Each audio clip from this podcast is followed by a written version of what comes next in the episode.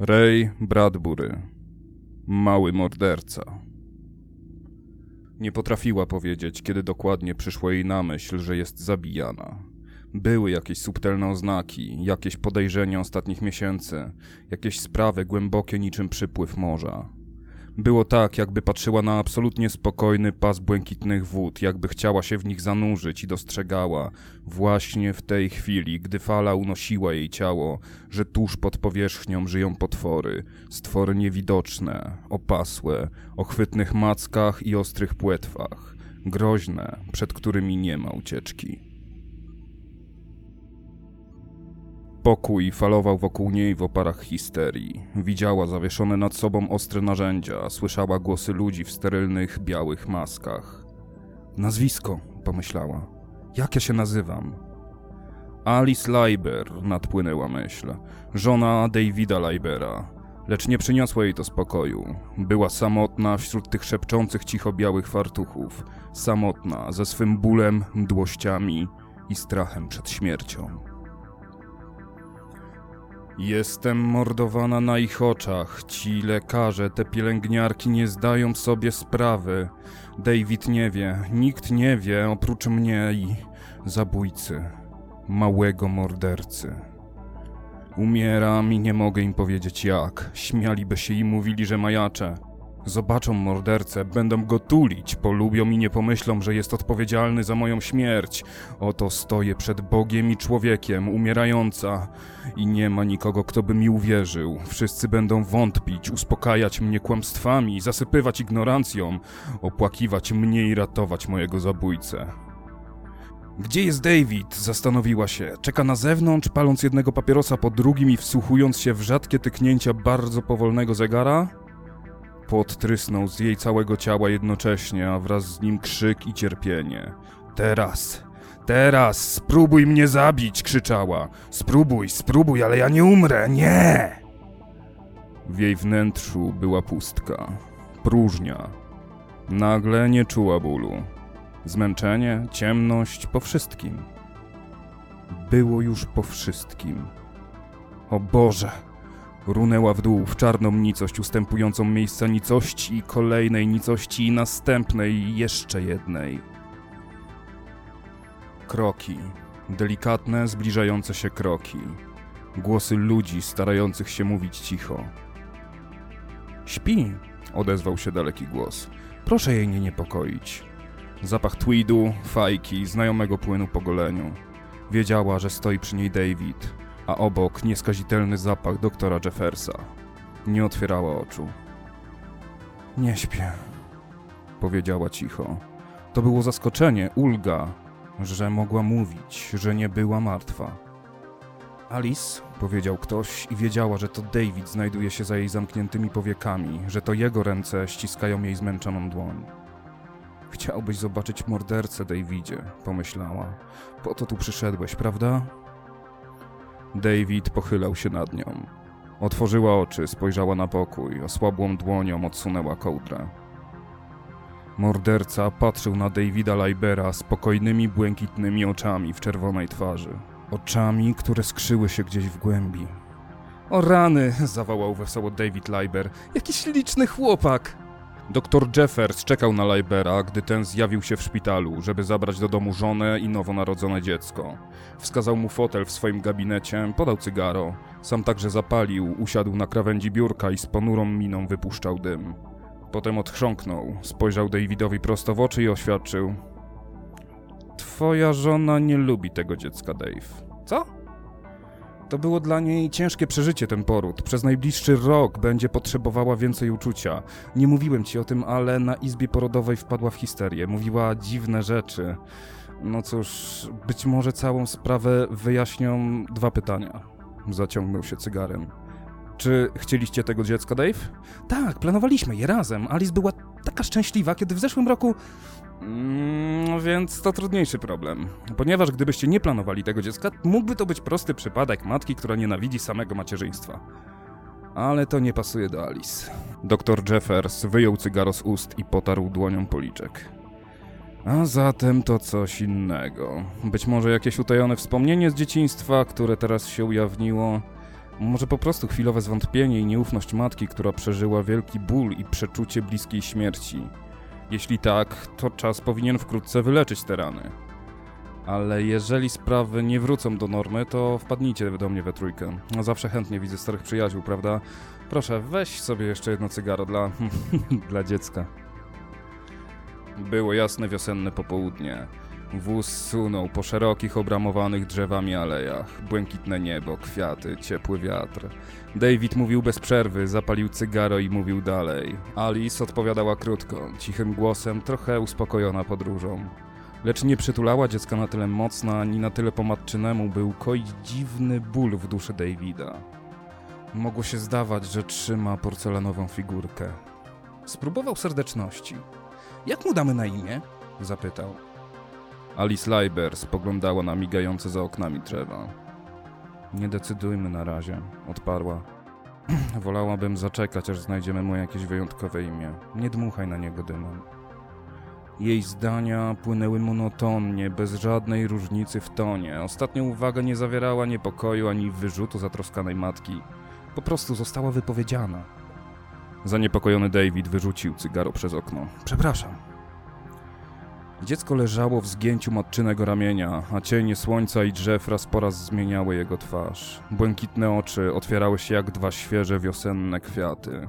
Z jego ruchliwych, różowych warg dobiegały ciche mlaśnięcia. Alice spojrzała na dziecko i David poczuł, że drży wsparto o jego ramię. Zimno? zapytał. Chłodno, lepiej podnieś szybę, Dave. To było coś więcej niż chłód. Zamyślony zamknął okno. Kolacja. David Leiber przyniósł malca z dziecinnego pokoju i usadowił go w niezwykłej pozycji, wspartego o stos poduszek w świeżo kupionym dziecinnym krzesełku. Alice w skupieniu obserwowała ruchy swego noża i widelca. Jest jeszcze za mały na krzesełko, zauważyła. Ale to tak przyjemnie jak tu siedzi, odparł radośnie Leiber. Wszystko jest przyjemne, w biurze tak samo. Mam zamówień po same uszy. Jeśli nie będę uważał, to zarobię w tym roku następne 15 tysięcy. Oj, popatrz na juniora, zapluł się cały. Wyciągnął rękę, by wytrzeć dziecku brodę. Kątem oka zauważył, że Alice nawet nie spojrzała. Powoli odłożył serwetkę. Cóż, nie było to pewnie szczególnie ciekawe, stwierdził, wróciwszy do swego talerza. Był lekko zirytowany i to tłumiło inne argumenty. Ale można było oczekiwać, że matka zainteresuje się własnym dzieckiem. Alice gwałtownie uniosła głowę. Nie mów tak, nie przy nim. Później, jeśli już musisz. Później? krzyknął. Przy nim czy nie? Co to za różnica? Uspokoił się nagle. Zastanowił, zrobiło mu się przykro. Już dobrze, w porządku, wiem jak to jest. Po kolacji pozwoliła mu zanieść dziecko na górę. Nie powiedziała, żeby zaniósł. Pozwoliła mu. Kiedy wrócił, stała obok radia, słuchała muzyki, lecz nie słyszała jej. Miała zamknięte oczy, jakby zastanawiała się, wsłuchiwała w siebie. I nagle była przy nim, szybko i cicho, ta sama. Nic się nie zmieniło, jej wargi odnalazły go, zatrzymały.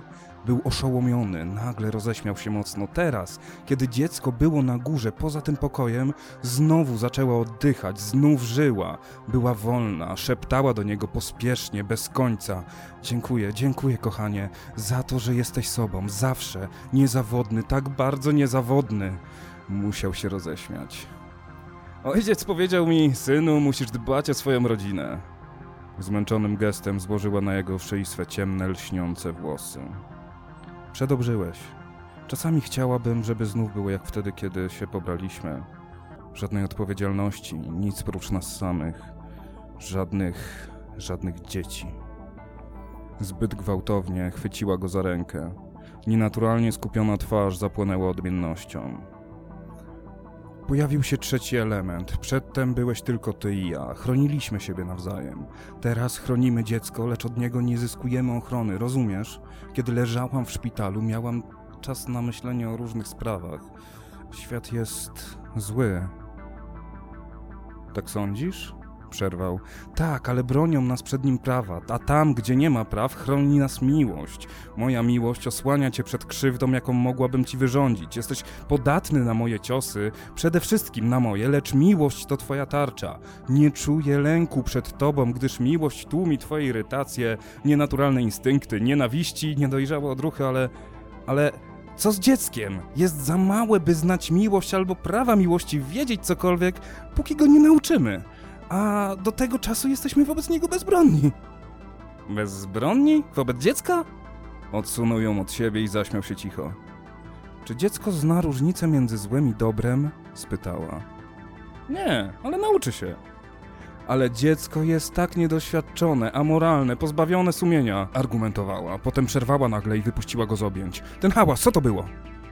Leiber rozejrzał się. Nic nie słyszałem. To, to stamtąd, powiedziała powoli, wpatrzona w drzwi do biblioteki.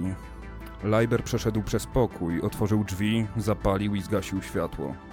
Nic nie ma, stwierdził wracając do żony. Jesteś zmęczona, marsz do łóżka, ale już! Zgasili światło i w milczeniu ruszyli schodami w górę. Na piętrze zatrzymała się. Mówiłam głupstwa, skarbie. Wybacz, jestem przemęczona. Rozumiał i powiedział jej to. Na chwilę zatrzymała się z wahaniem przy drzwiach pokoju dziecinnego. Potem gwałtownie szarpnęła mosiężną klamkę i weszła do środka. Patrzył, jak podchodzi do łóżeczka, niezbyt ostrożnie, jak pochyla się i sztywnieje, jakby ktoś się uderzył w twarz. David! Leiber podszedł do łóżeczka. Twarz dziecka była jaskrawo czerwona i silnie spocona, małe różowe wargi poruszały się. Jasno-niebieskie oczy wyglądały, jakby ktoś wyciskał je na zewnątrz. Chłopczyk machał drobnymi czerwonymi rączkami. O, płakał przed chwilą, stwierdził Leiber. Tak sądzisz? Alice osłabła nagle, chwyciła mocno poręcz łóżeczka. Nic nie słyszałam. Drzwi były zamknięte. Czy to dlatego tak ciężko oddycha i ma zaczerwienioną twarz? Oczywiście, biedny maluch płakał zupełnie sam po ciemku. Lepiej niech dzisiaj śpi w naszym pokoju. Może się znowu rozpłakać. Rozpuszczasz go, stwierdziła. Leiber wiedział, że Alice przygląda się mu, jak przetacza łóżeczko do ich sypialni.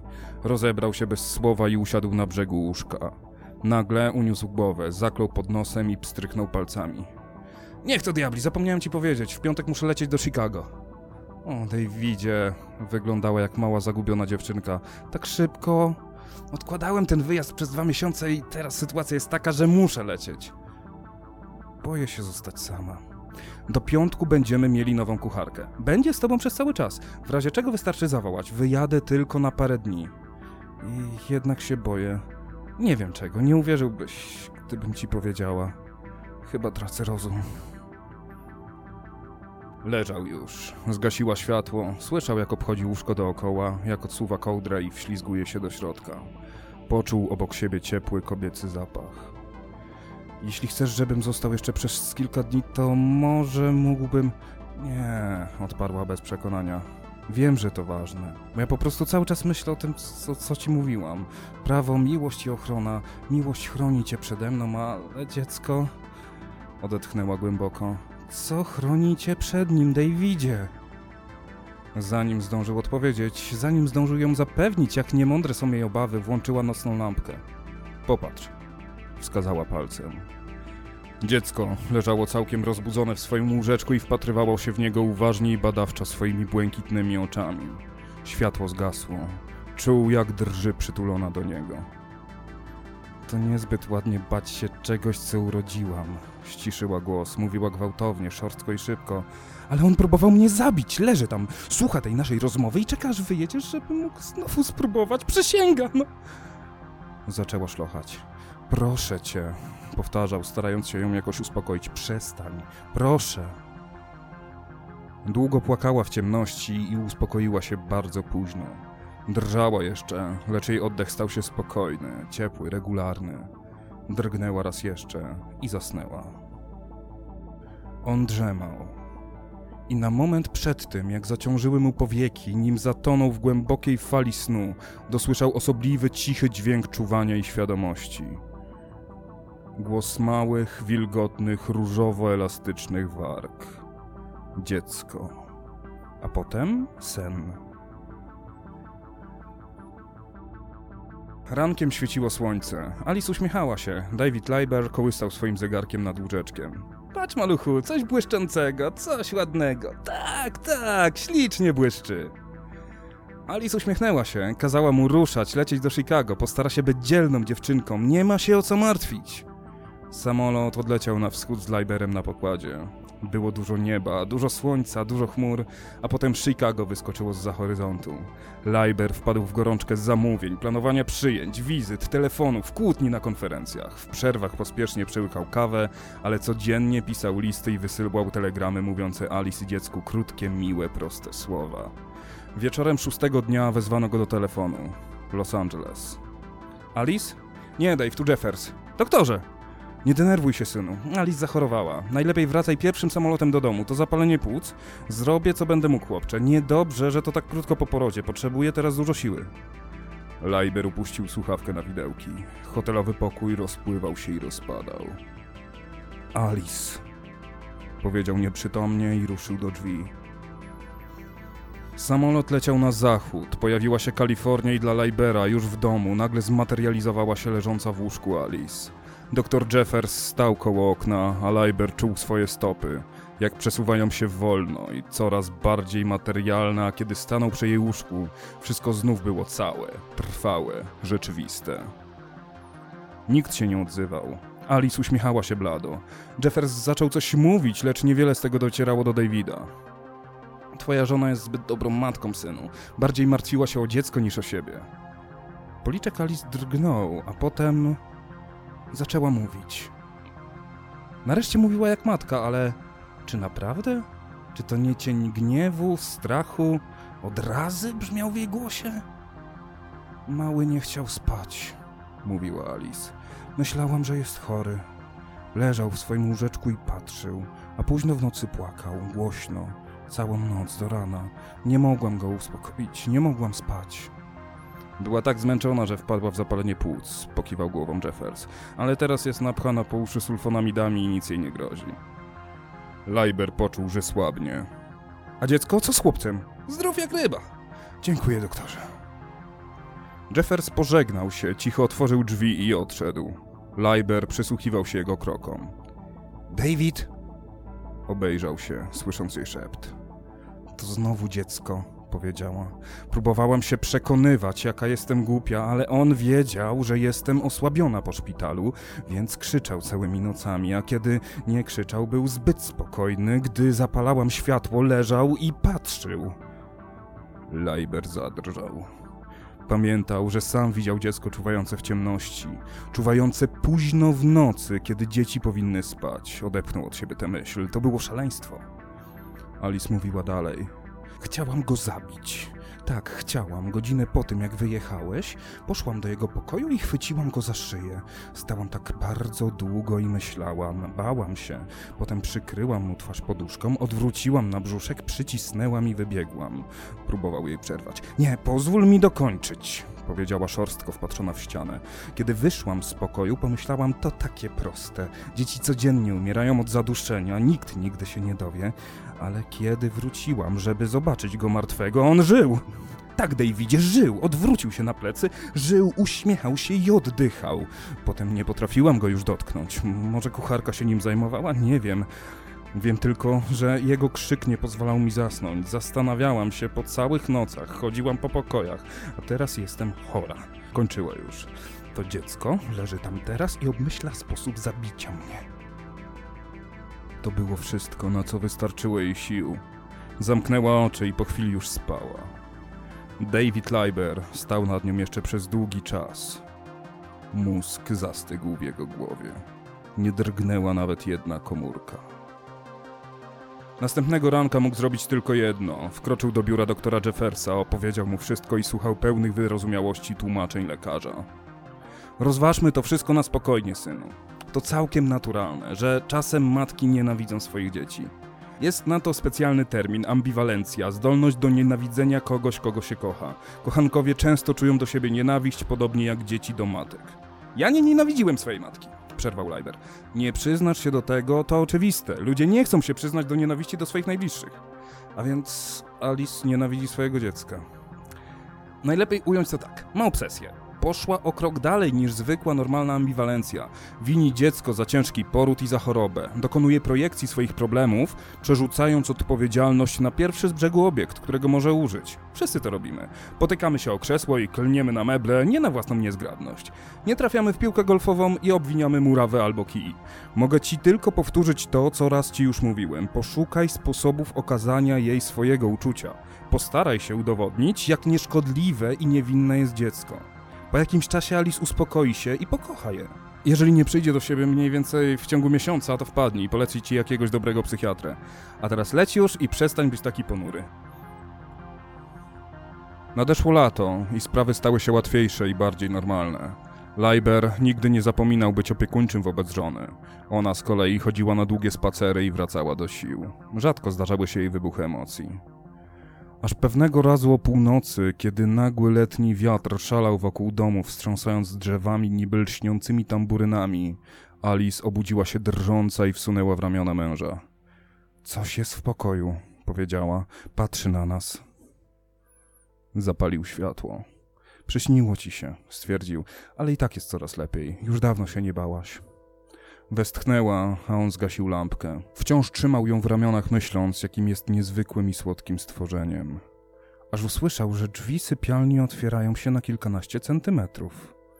Nikogo przy nich nie było, otworzyły się bez powodu, wiatr ucichł. Czekał. Zdawało mu się, że leży tak w ciemności przez godzinę. Potem, jakby z jękiem małego meteoru, ginącego w olbrzymiej, atramentowo-czarnej otchłani kosmosu, w pokoju dziecinnym zapłakało dziecko. To był delikatny, samotny dźwięk, gdzieś pomiędzy ciemnością, oddechem kobiety w jego ramionach i wiatrem, znów zaczynającym poruszać koronami drzew.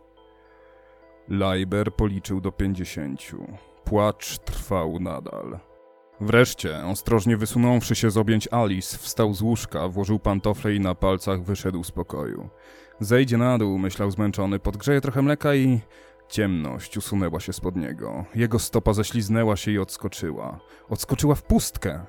Wyciągnął przed siebie ręce i rozpaczliwie uchwycił się poręczy. Jego ciało przestało padać. Zaklął.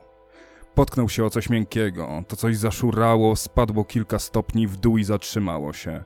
W uszach mu dzwoniło, serce tłukło się gdzieś pod krtanią, dusząco i boleśnie. Dlaczego ludzie zostawiają różne rzeczy porozrzucane po całym domu? Macał ręką w poszukiwaniu przedmiotu, przez który nieomal zleciał na głowę ze schodów. Jego ręka zamarła w zaskoczeniu. Głośno wciągnął powietrze. To, co trzymał, było zabawką. Dużą, niezgrabną, szmacianą lalą, którą kupił dla... dla dziecka. Następnego dnia Alice odwiozła go do pracy. W połowie drogi zwolniła, zjechała na krawężnik i zatrzymała się, potem spojrzała na męża. Chcę pojechać na wakacje. Nie wiem, czy teraz dasz radę, kochanie, ale jeśli nie, to proszę pozwól mi jechać samej. Na pewno znajdziemy kogoś, kto zajmie się dzieckiem. Po prostu muszę wyjechać. Myślałam, że wyrastam z tego, z tego uczucia, ale nie.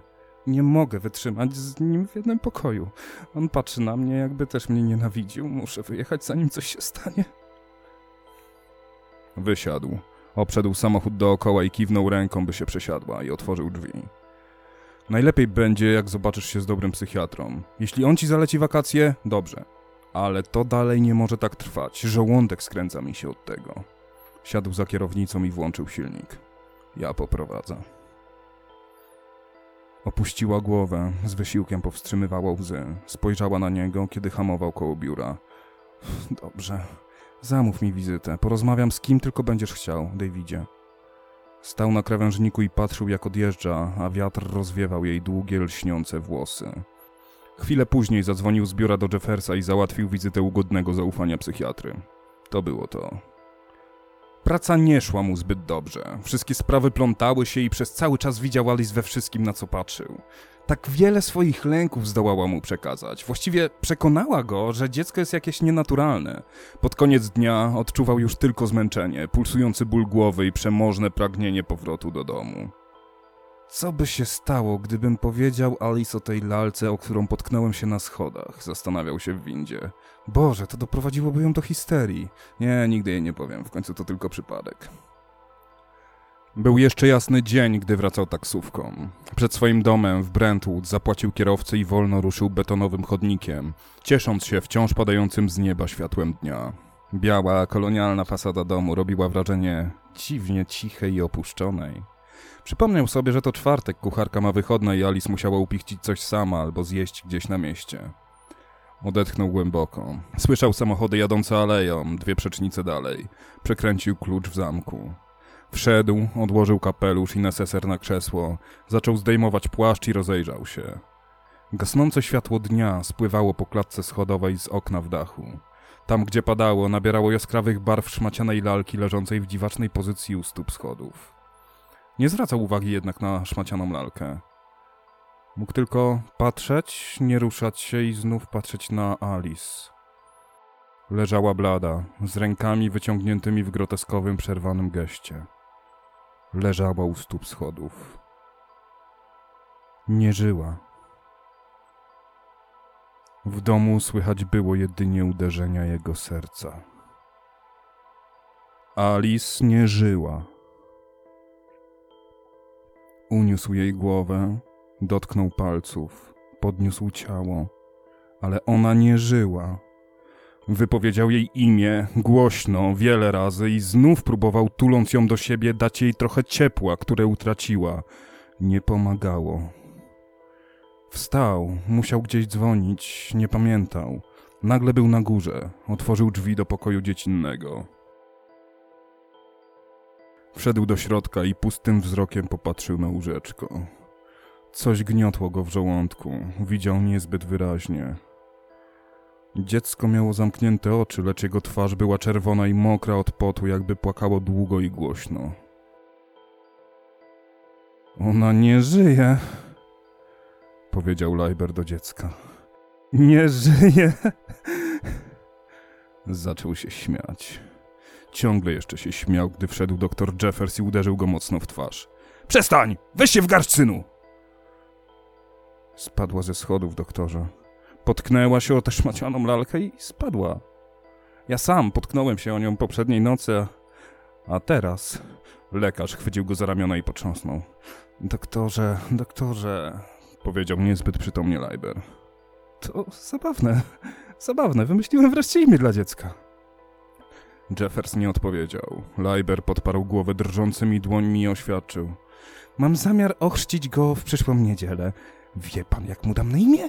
Będę, będę go nazywał Lucyfer. Była jedenasta w nocy. Przez dom przewinęło się mnóstwo dziwnych ludzi, którzy zabierali ze sobą najważniejsze. Alice. David Leiber usiadł w bibliotece naprzeciwko doktora. Alice nie była szalona, powiedział wolno. Miała powody, żeby bać się dziecka. Jeffers westchnął. Teraz sam wpadasz w ten wzorzec. Ona, ona obwiniała dziecko o swoją chorobę, a teraz ty obwiniasz je o jej śmierć. Alice potknęła się o zabawkę, pamiętaj, nie możesz mieć pretensji do dziecka. Do Lucyfera? Przestań go nazywać Lucyferem! Leiber pokręcił głową. Alice słyszała jakieś hałasy w nocy. Jakby ktoś nas szpiegował. Chcesz wiedzieć, co to było? Powiem ci. To było dziecko. Tak, mój syn. Czteromiesięczny, pełzający nocą ciemnym korytarzem, słuchający naszych rozmów, słyszący każde słowo. Złapał się za poręcze fotela. A kiedy zapalałem światło, dziecko jest małe, może się doskonale schować za jakiś mebel, za drzwi pod ścianką, poniżej poziomu wzroku. Przestań! zażądał Jeffers. Pozwól mi powiedzieć, co myślę, bo zwariuję. Kiedy wyjechałem do Chicago, kto nie pozwalał Alice zasnąć, zmęczył ją i osłabił tak, że dostała zapalenia płuc? Dziecko! A kiedy nie umarła, próbował zabić mnie. To było proste. Zostawić lalkę na schodach, a potem krzyczeć tak długo, aż ojciec mając dość tego płaczu wstanie, żeby zejść na dół i podgrzać mleko. I potknie się. Prymitywna szczurka, ale skuteczna. Mnie się udało. Lecz Alice nie żyje. David Leiber przerwał na chwilę. Na tyle długą, by zapalić papierosa. Powinienem się zorientować. Zapalałem światło w środku nocy wiele razy, on leżał z otwartymi oczami. Większość dzieci śpi prawie cały czas, bez przerwy, ale nie to. To czuwa i myśli. Niemowlęta nie myślą, przerwał Jeffers.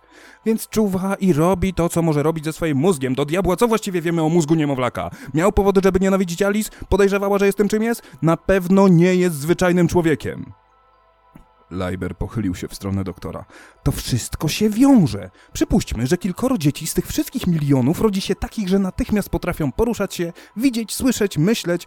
Wiele owadów jest samowystarczalnych od momentu narodzin. W ciągu kilku dni przystosowuje się większość ssaków i ptaków. Małym ludziom potrzeba lat, zanim nauczą się mówić i poruszać na niepewnych nogach, ale przypuśćmy, że jedno dziecko na milion jest dziwne. Urodzone z pełnią świadomości, instynktownie zdolne do myślenia. Czy nie byłby to doskonały kamuflaż, znakomite maskowanie tego, co chciałoby zrobić? Mogłoby udawać zwykłego, słabego, płaczącego, nic nie wiedzącego molucha. Zużywając tylko trochę energii, potrafiłoby raczkować po ciemnym pokoju i słuchać.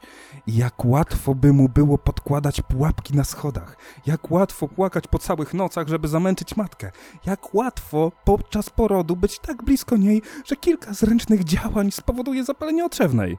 Na miłość boską! Jeffers zerwał się na równe nogi. To, co mówisz, jest odrażające. To, o czym mówię, jest odrażające. Ile matek zmarło przy porodzie? Ile wykarmiło niezwykle małe niesamowitości w ten czy inny sposób przynoszące śmierć? Dziwne, czerwone stworzonka z mózgami, które działają w szkarłatnej ciemności, jakiej nie możemy nawet się domyślać. Pierwotne, małe mózgi, przepełnione pamięcią gatunku, nienawiścią i okrucieństwem. Pytam cię, doktorze, co jest na świecie bardziej samolubnego niż dziecko? Nic! Nie istnieje nic tak egoistycznego, a społecznego samolubnego. Nic!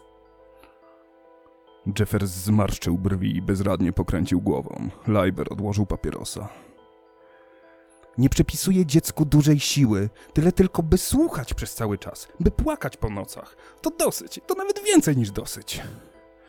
Jeffers spróbował żartu. Więc to morderstwo, a morderstwo musi mieć motyw. Wymyśl jakiś motyw dla dziecka. Leiber miał już gotową odpowiedź. Czy jest coś bardziej spokojnego, bardziej sennie szczęśliwego, zadowolonego, wypoczętego, nakarmionego, zaspokojonego, nieznającego kłopotów niż nienarodzone dziecko? Nie. Unosi się w sennym, mrocznym wirze bezczasowego cudu, ciepłego pożywienia i ciszy. Senne marzenia. Spowija jego świat i nagle jest skłaniane do opuszczenia legowiska. Zmuszane do wyjścia, wypychane w hałaśliwy, nieczuły, egoistyczny, nerwowy i bezlitosny świat, gdzie musi polować i żywić się tym, co upoluje, poszukiwać ginącej miłości, która kiedyś była niezaprzeczalnym prawem, spotykać zamieszanie zamiast wewnętrznej ciszy i zachowawczej drzemki.